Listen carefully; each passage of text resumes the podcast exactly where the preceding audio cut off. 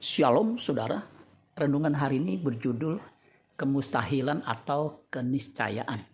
Ibrani 12 ayat 14. Berusahalah hidup damai dengan semua orang dan kejarlah kekudusan, sebab tanpa kekudusan tidak seorang pun akan melihat Tuhan.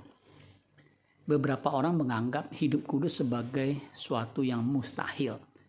Memang bagi manusia tidak mungkin bisa hidup kudus, Hidup kudus atau hidup sempurna seperti Bapa memang mustahil bagi manusia, tapi tidak mustahil bagi Allah.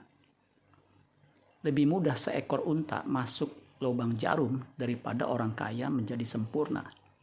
Untuk itu orang percaya bukan saja harus punya hasrat atau spirit untuk hidup suci, tetapi harus mengejarnya. Kalau hanya hasrat saja tidak akan bisa. Lukas 13 ayat 24 jawab Yesus kepada orang-orang di situ, berjuanglah untuk masuk melalui pintu yang sesak itu.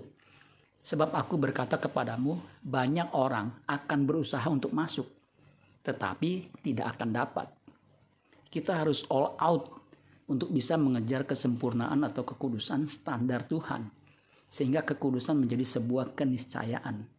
Ibrani 12 ayat 4, dalam pergumulan kamu melawan dosa, kamu belum sampai mencucurkan darah dengan pertolongan kuasa Roh Kudus, kita akan bisa menjalani proses pengudusan sehingga kita mengalami progres atau kemajuan dan pada akhirnya kita akan beroleh bagian dalam kekudusannya.